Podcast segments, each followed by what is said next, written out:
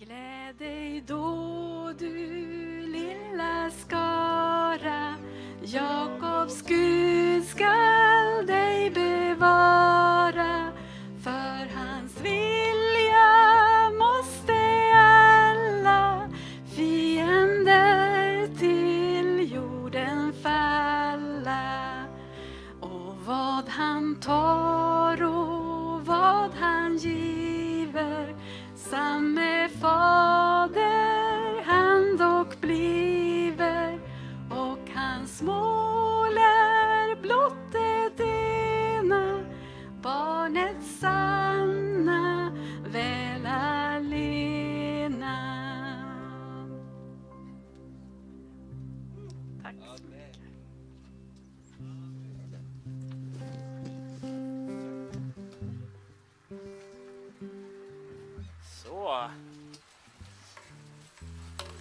Vad härligt med barnvälsignelse.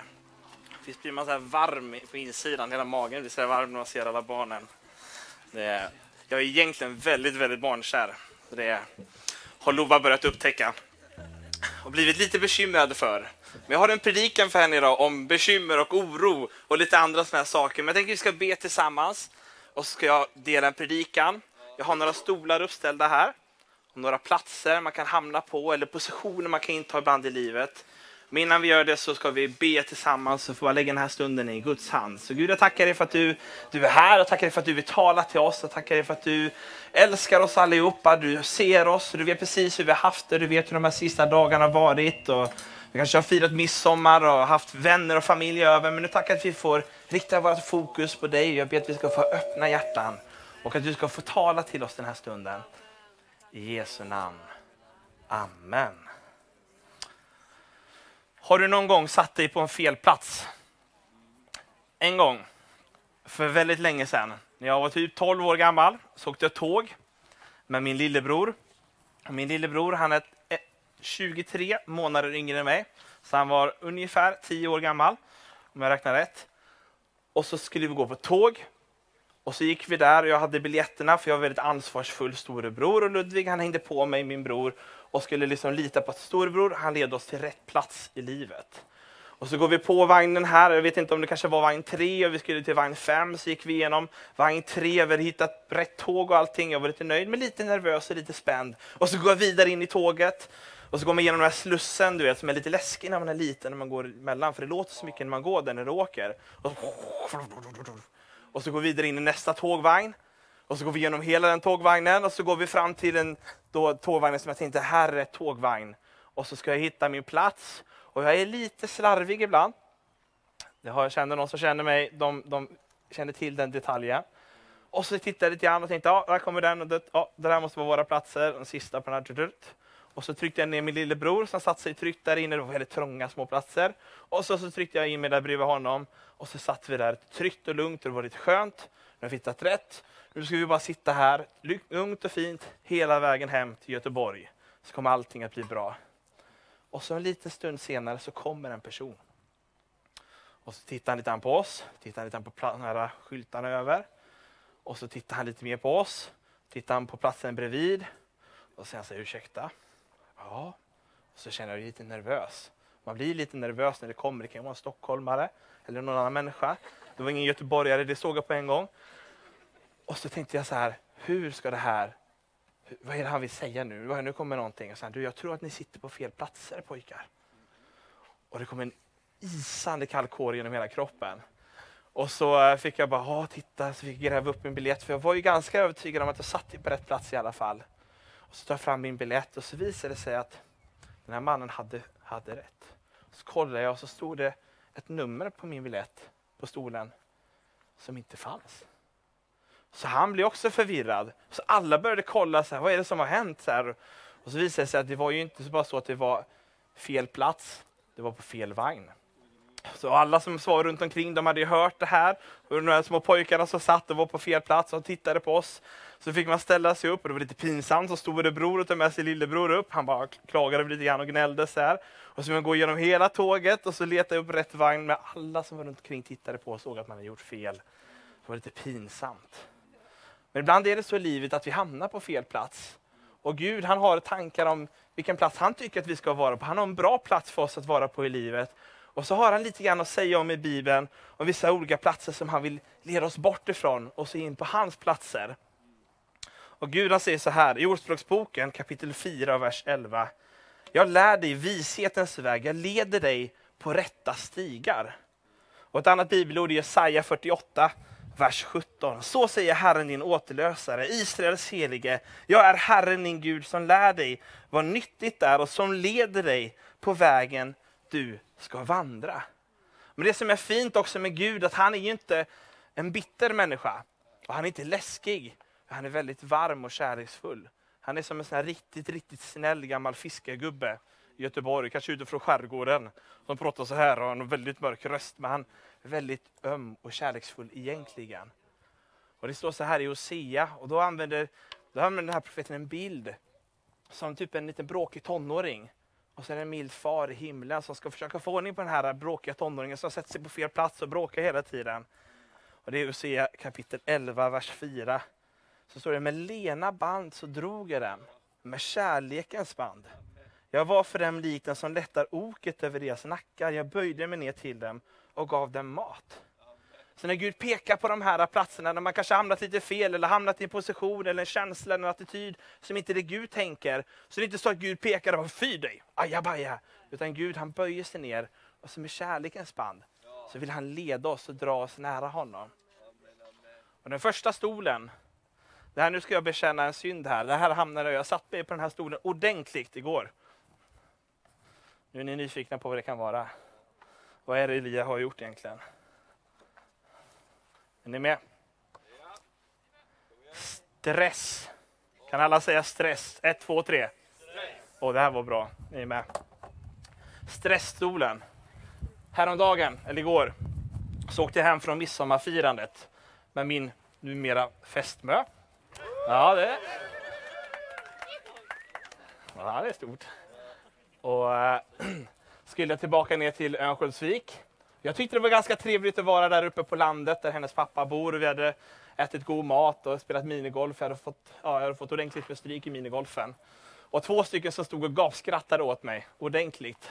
Jag slog till och med bort en boll så långt ut i skogen så att hennes pappa Per han gick och letade jättelänge efter den här minigolfbollen tills vi till slut fick säga du, du får glömma den här nu, nu får vi gå vidare. Så fick jag spela med Lovas boll istället. Men så satte jag mig i bilen och så åker jag på motorvägen och så tänker jag att jag ska försöka hålla hastigheten.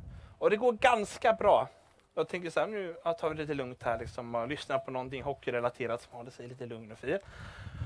Och sen så händer någonting på vägen, det blir, det blir väldigt långsamt. Och så ser hastigheten gå ner, för man kan inte köra igenom andra bilar, det har jag lärt mig. Fast jag inte haft gått på riktig trafikskola utan kört upp så här. Men Jonathan har lärt mig lite tips på vägen. Och då så märker jag att till slut är vi nere i 40 kilometer i timmen. Och på insidan så börjar mitt hjärta slå snabbare och snabbare och snabbare. Jag bara undrar, vad är det? Vad är det för någonting som gör att det går så här långsamt? Är det någon som boxerar? Har det hänt någonting? Är det någon som kör med varningsblinkers? Då har man lite förståelse. Och så ser jag att några bilar framför mig så är det ett fordon på E4. Det är ett fordon som har en triangel där bak. Det är en mopedbil. Motorvägens fiende nummer ett. En mopedbil har åkt ut på motorvägen. Den får inte ens åka på motorvägen, jag har googlat upp sen efteråt. Helt olagligt, helt livsfarligt. Jag kom på så mycket olika orsaker till det här är inte bra. Den måste flytta. Någon borde säga till den här personen. Det här är inte okej okay någonstans. Och så jagade jag upp mig lite grann och så bara kände jag stressen steg på insidan. Och så såg jag det var en sån här, sån här typ eh, kontrollplats. Att man kan gå in och så bara, åh, oh, jag kanske ska köra om. På insidan. Och sen så, nej jag gör inte det. Så det kanske kommer ett bättre tillfälle sen. Och sen så kommer jag på efter ett tag så bara, men Elia, du har ju inte bråttom någonstans. Alltså, just det, nej det har jag inte bråttom. Du kanske ska, kanske ska lugna ner dig lite grann. Och så insåg jag, jag har ju satt mig i stressstolen. Helt utan orsak. Och jag bara jagar upp mig och jag tyckte, ah, jag hade en massa tankar. Och bara någon minut efteråt blir det två filer. Då var det bara att åka förbi. Och jag gestikulerar inte ens. Det var inte ens något pekfinger, utan bara helt fridfullt som ett helgon, som en ängel, som man ibland kan vara. Så åkte jag bara förbi och kände bara friden och lugnet och kärleken. Det är nästan värt en applåd. Så fint. Ja. Och så vann jag över stressstolen i mitt liv. Och ibland är det så att vi blir så stressade, för det är så mycket tankar och så mycket saker vi vill göra. Och vi kanske, kanske sitter och tittar nu och håller på att fixa med maten eller någonting hemma. Och du kanske hör vad jag säger för att du är så stressad för att du ska göra massa saker. Men Gud, han tänker inte att vi ska leva i en stressstol genom livet.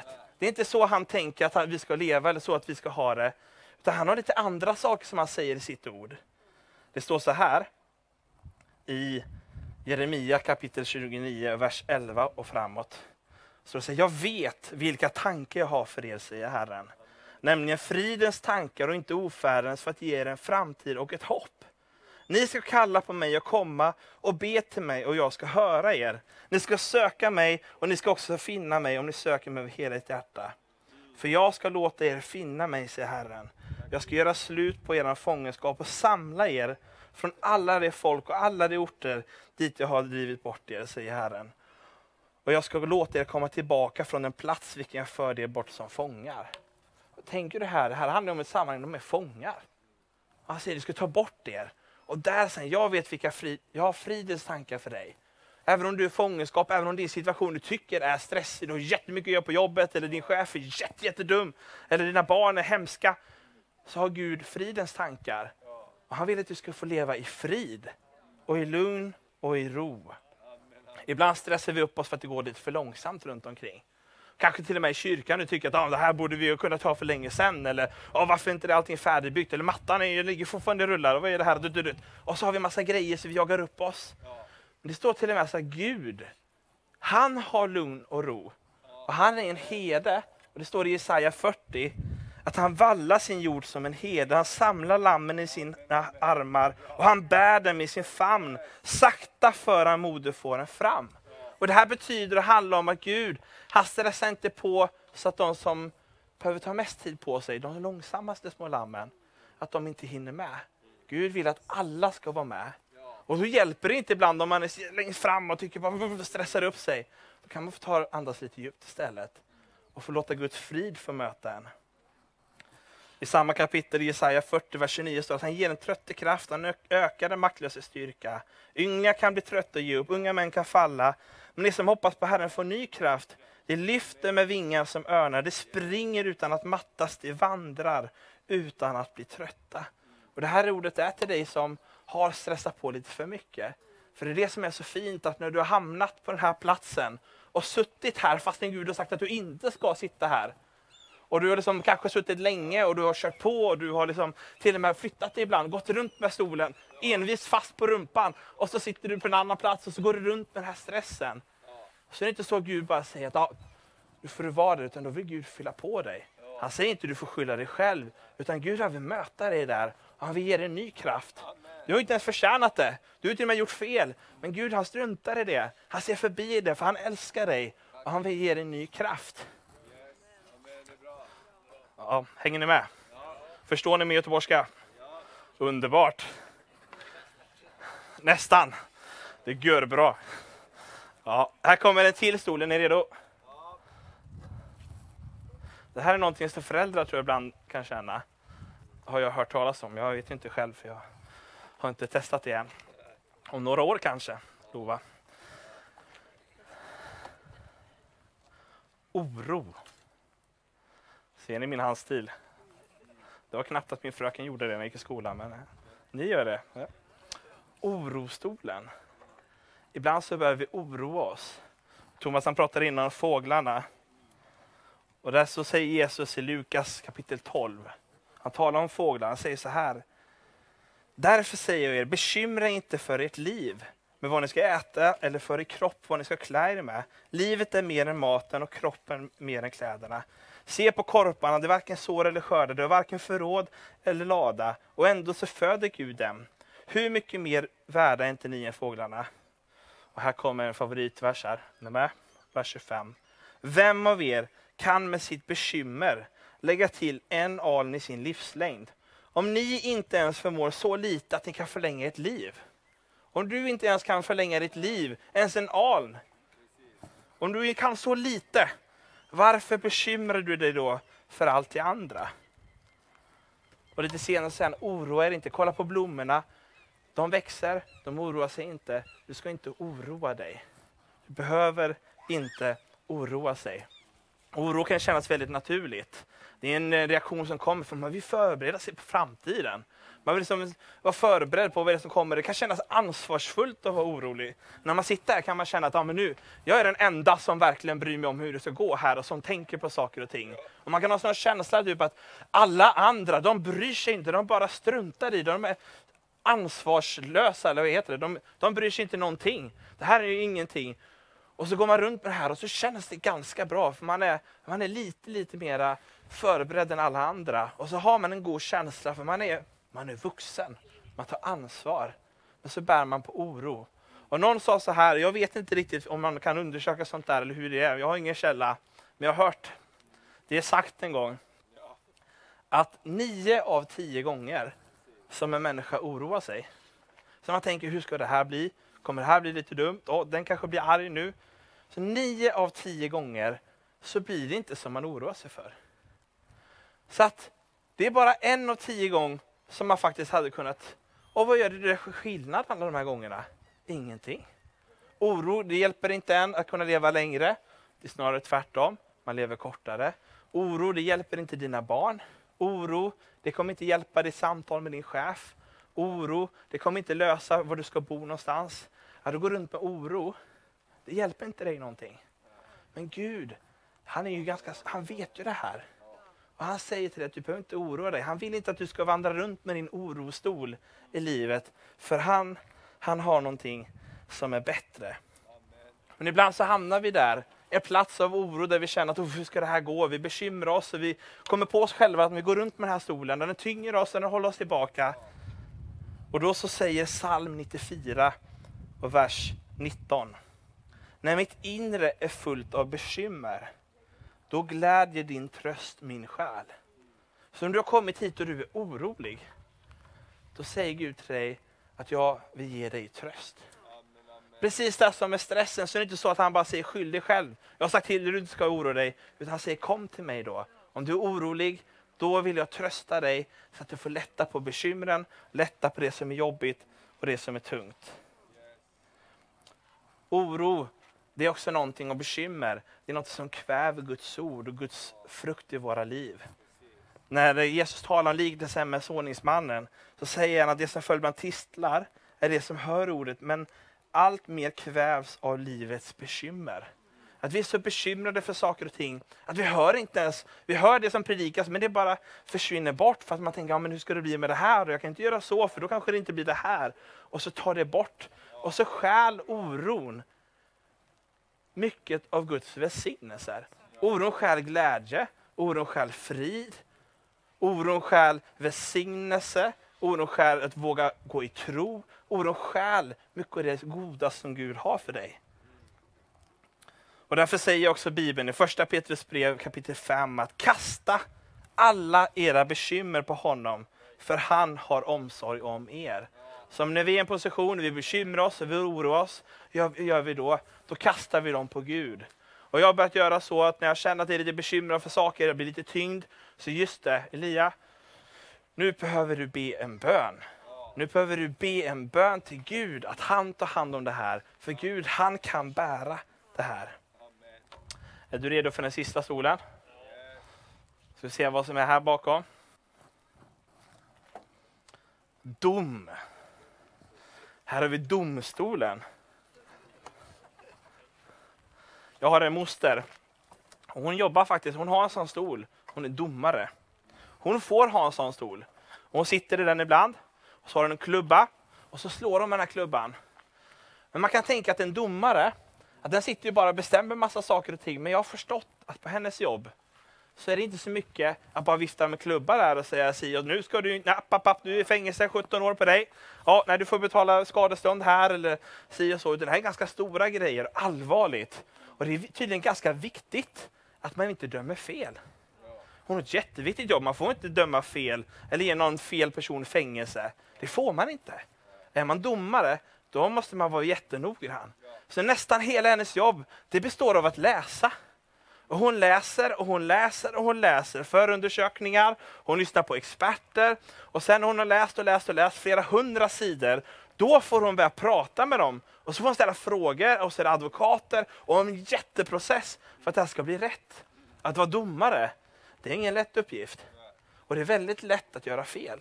Det är lätt att gå upp i sina känslor. Och det är lätt att man fattar beslut eller man, man tror att man vet, men man vet ju inte allting bakom. Så man förstår inte varför det blev som det blev. Och vet du vad? Därför den här stolen, domstolen, den här är det bara Gud som får sitta i. Han säger så här, att döm inte så ska du inte bli dömd. Det är ganska allvarligt. För om vi dömer, då kommer andra döma oss. Han säger, förklara ingen skyldig så ska du inte dömas skyldiga. Frikänd så ska ni bli frikända. Det är Lukas 6, vers 37. Och alltså att en domare, han måste också vara noga med hur de lever. Jättenoga, de får inte göra fel. Så min moster hon kör aldrig för fort. Hon är noga, hon kör alltid lite under. För att om hon åker fast i fortkörning, då är det liksom, då är det liksom blir det en, eh, en förtroendekris för samhället om våra domare inte klarar av att göra rätt. Och om hon missköter sitt jobb så kan hon bli dömd för att hon gör fel. Så det är väldigt viktiga grejer. Men det är det som är så skönt också med Gud, att han har sagt att du behöver inte sitta här. Utan du kan låta mig ta hand om det. För jag, jag gör inte fel, jag klarar av det här svåra jobbet. Och jag dömer. Och du vet, då, också så här, då kommer vi in i en annan frihet. När man är troende, när man är kristen. Man brottas inte med bara att se massa saker när man kommer till kyrkan på söndag morgon och så tar de här lovsångarna upp en sång och så, och så tycker jag att det här var en, en engelsk sång. Och det är det där pianoljudet, eller det blev det där, ska de ta så gammal sång? Nej, och så känner man att det här var ju inte bra. Då, då tror jag, då har man kanske råkat sätta sig på den här stolen. Då har man satt sig på Guds stol, för lovsången var ju inte till dig. Den lovsången, den är ju till... Vem, var, vem är lovsången till? Den, ja, vi kan säga en gång Vem är lovsången till? En gång till, det blir riktigt starkt känner jag. Jobbar ändå med det här, så jag vill höra församlingen. Det är musik för min själ. Vem är lovsången till? Det är till Gud lovsången är. Och han dömer ifall lovsången är bra eller dålig. Det kan ingen annan människa göra. Det kan inte ens jag göra. Jag som jobbar med det här, det är mitt jobb. Att vi ska se till att det är bra lovsång och jag ska utforska, utvärdera, jag ska träna och lyssna och välja nya sånger. Och, det så här. och är det någonting som är dåligt, då kommer de prata med mig. Men jag får inte döma. Jag får inte döma lovsången. Utan det måste Gud göra. Det är Gud som bedömer. Då kan man inte gå till kyrkan och känna så, åh den predikanten och dutt, dutt. Eller varför ska de göra så här? Ska de verkligen dutt, dutt? För då fäller man massa domare hela tiden. Det är mycket skönare att inte gå runt och döma. För då så behöver man inte dubbelarbeta hela tiden. För Gud, han är domaren. Och det är, han har en egen stol som bara är hans. Och den ska inte vi ta. Men det är det som är så fint med Gud och med Kristus. Vi ska avrunda alldeles strax. Vi skulle kunna ha lite härlig lovsång som Gud tycker om. David kanske kan spela lite piano. Det är så här att Guds rike, han David han är någon annanstans här. Då. Då är det så att i Guds rike så, så har vi en Gud som hjälper oss med alla de här sakerna. Och ibland kan det vara lite jobbigt för man kommer på sig att man hamnar i de här stolarna titt som tätt. Och jag har gjort det många gånger. Man sätter sig i stressstolen eller i orostolen. Och en gång satt jag i orostolen jättemycket och så bekymrade mig för Thomas. Och det här var flera år sedan. Och så sa han, Elia, det blir som det blir, eller det blir vad vi gör det till. Och så bara, just det, det är sant, det blir ju vad vi gör det till. Och så, bara, och så slutar det oroa mig. Och då kan man behöva lite sådana här ord. Men i Guds rike då fungerar det så att då får vi komma till honom i Kristus. Det finns en stol som heter i Kristus. Och i mitt huvud så är den stolen inte mer som en stol. För de här stolarna de har jag mer om jag har för mycket gäster hemma. Det är mina stolar. Och de är inte så bekväma, om jag ska vara ärlig. Man sitter i de här, de är lite, ja, gungar lite grann. Alltså. Det är inte de skönaste stolarna jag har.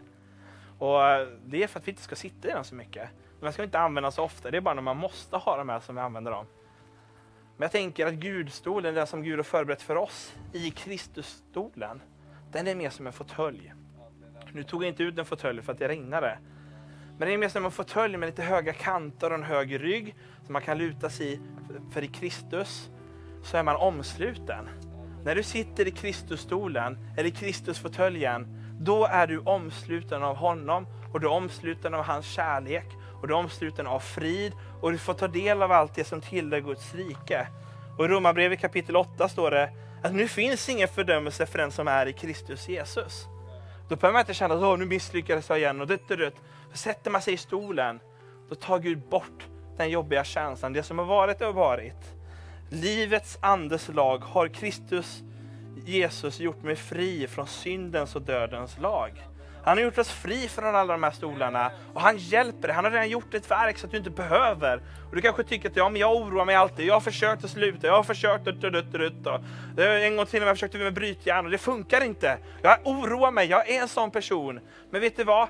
Jesus har satt dig fri från orostolen. Jesus har satt dig fri från stressstolen. Jesus han har satt dig fri från domens stol. Och han har satt dig fri så att du kan sätta dig hos honom. Så att allt det du behöver göra, det är inte att du ska hålla på och kämpa bort från det här, utan du ska bara sätta dig hos honom. Och när du sätter dig hos honom så har han tagit bort allt det andra. Och då finns ingen fördömelse, då är du fri i honom. Om någon kom, är i Kristus så är han en ny skapelse. Det gamla är förbi, något nytt har kommit. Står i andra Korinthierbrevet 5 och 17. När du sitter där i Kristusstolen så är det Guds rike som omsluter dig. Guds rike är inte mat och dryck utan rättfärdighet och frid och glädje i den heliga Ande. Då kommer glädjen tillbaka. Då kommer hoppet tillbaka. Då kommer värmen tillbaka. Kanske bekymrat dig, du oroat dig, du har strävat mycket efter saker och just nu så känner du bara att du blir så påminn om att massa grejer som har varit. Då kan du bara få luta dig tillbaka under paraplyt, på din bänk och känna Gud, han omsluter dig där du är. Gud, han lättar på oron, han lättar på bekymren, han lättar på stressen. Kanske du kommer på att oj, jag dömer ju hela tiden, det här går med mig, kommer jag bli dömd nu? Du kanske blir rädd nu. Men vet du vad Gud, han tar bort de tankarna. Han säger kom till mig, sätt dig hos mig. Låt mig få möta dig, låt mig få betjäna dig. Gud, han har en plats för dig. Här finns en plats för dig. När du kommer på tåget så hittar din plats, så är inte den borta. Det finns en plats för dig och han leder dig på rätta vägar. Vet du varför? För Gud han är en herde. Och det är så herdar jobbar. Hedar, de leder fåren på rätta vägar. Vi hade kosläpp för några dagar sedan. Fick jag hjälpa min blivande svärfar. Stå på med gummistövlarna och orangea regnbyxor som var skrek i alla färger. Och, och någonting så här. Och så stod jag där ute i det höga gräset och så hade vi förberett, vi hade satt stängsel, jag hade fått köra traktor. Ja, det var härligt. Det var flera år sedan sist. Jag kände mig som en riktigt, riktig lantbrukare. Och så hade vi satt och förberett allting och så skulle man släppa ut dem och så berättade han att de här äh, får, äh, inte fåren, han har haft får också, men de här kossorna. Jag har lärt mig skillnad på kossor och får nu också. Ja, det är bra. Jag lär mig mycket. Jag kan ganska mycket nu om det här med lantbruk och sånt där, maskiner. Och han, du måste vi först släppa ut dem på ett litet, litet område utanför här, för annars så blir de så stressade, får de bara stressa av sig lite grann. Så släppte vi ut och de hoppade, och de skuttade och de sprang runt och de stångade på varandra och de bajsade. Och kissade på varandra nästan. Det var mycket sådär och de stojade runt. Och sen efter en stund så lugnade de ner sig lite grann. Och så släpper ut dem ut i hagen, ut på åken. Och då var det en korridor som hade gjort med elstängsel vi hade satt upp. Och så fick vi gå lite runt om vid sidorna så att de inte skulle bara springa förbi. Och så fick vi lugna ner dem. För det är ju så här att om en ko eller en kalv rymmer så är det inte, det är inte, får, äh, det är inte kossans fel utan det är bonden. Det är herdens uppgift att leda djuren på rätt plats. Och när det kommer till Gud så är det så att du är inte Guds herde. Utan Gud är din herde och han leder dig på rätta vägar. Och då kan vi få luta oss tillbaka in och så vill säga Gud, jag vill följa dig. Om du viftar lite grann och springer och viftar med dina armar och låter lite grann så kommer inte jag springa över det staketet där utan då, då lyssnar jag på dig. Och så får du leda mig på rätta vägar för ditt namns skull. Ska vi be tillsammans? Amen. Tack Jesus för att du är här. Jag tackar dig för att du vill möta med oss. Jag tackar dig för att du, du ser oss allihopa. Du känner oss så väl och du vet när vi felar, när vi tänker dumma saker, när vi bär på olika saker, ting som tynger. Det kanske inte ens är synder, det är bara saker som tynger oss, men som håller oss tillbaka. Jag tackar dig Gud att vi får komma till dig. Vi får komma till dig som är våran herde, du som är våran kärleksfulla far, du som, som leder oss och som drar oss med kärlekens band. Och du som har frid och du som har nåd för oss. Jag tackar dig för att du får komma till dig just nu. Jag tackar att du får omsluta oss i Kristusstolen. Vi får omsluta oss i dig. Jag tackar att vi får vända oss om och sätta oss hos dig. Att vi får möta med dig, att vi får hämta vår kraft hos dig. Vi får hämta vår frid hos dig. Vi får lämna vår oro. Vi får lämna stress. Vi får lämna eh, dömande hos dig. Och vi kan få bli fyllda och ditt rike istället, Herre. Jag tackar dig för den som kanske har känt att det varit svårt att vara glad. Den som känt att varje skratt som man har haft det sista, det har bara satt sig i halsen. Det har varit svårt att bara skratta. Jag tackar dig Gud att vi får komma till dig och och att du får göra så vi kan skratta igen.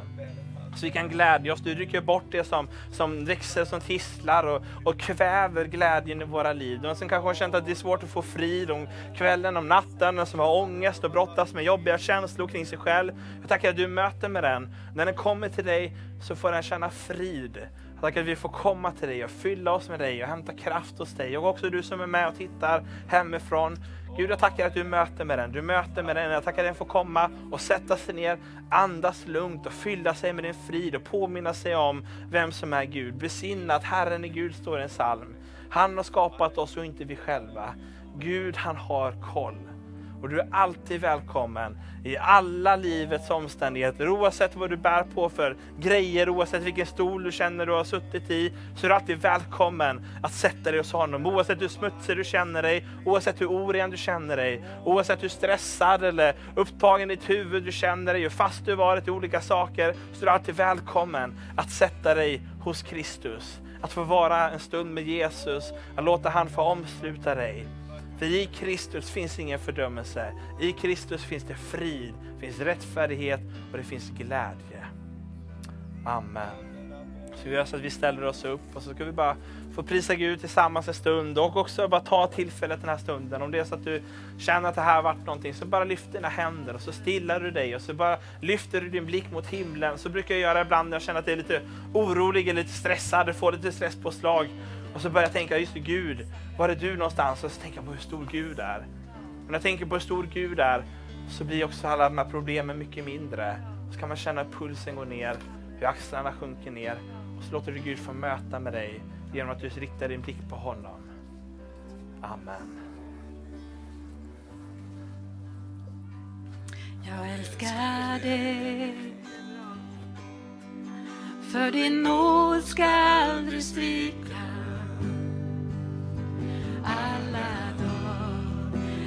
jag buren i din hand Från den stunden när jag vaknar tills jag lägger mig igen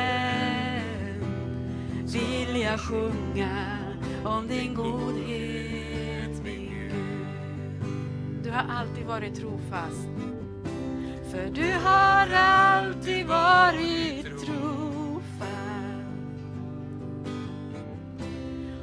har alltid varit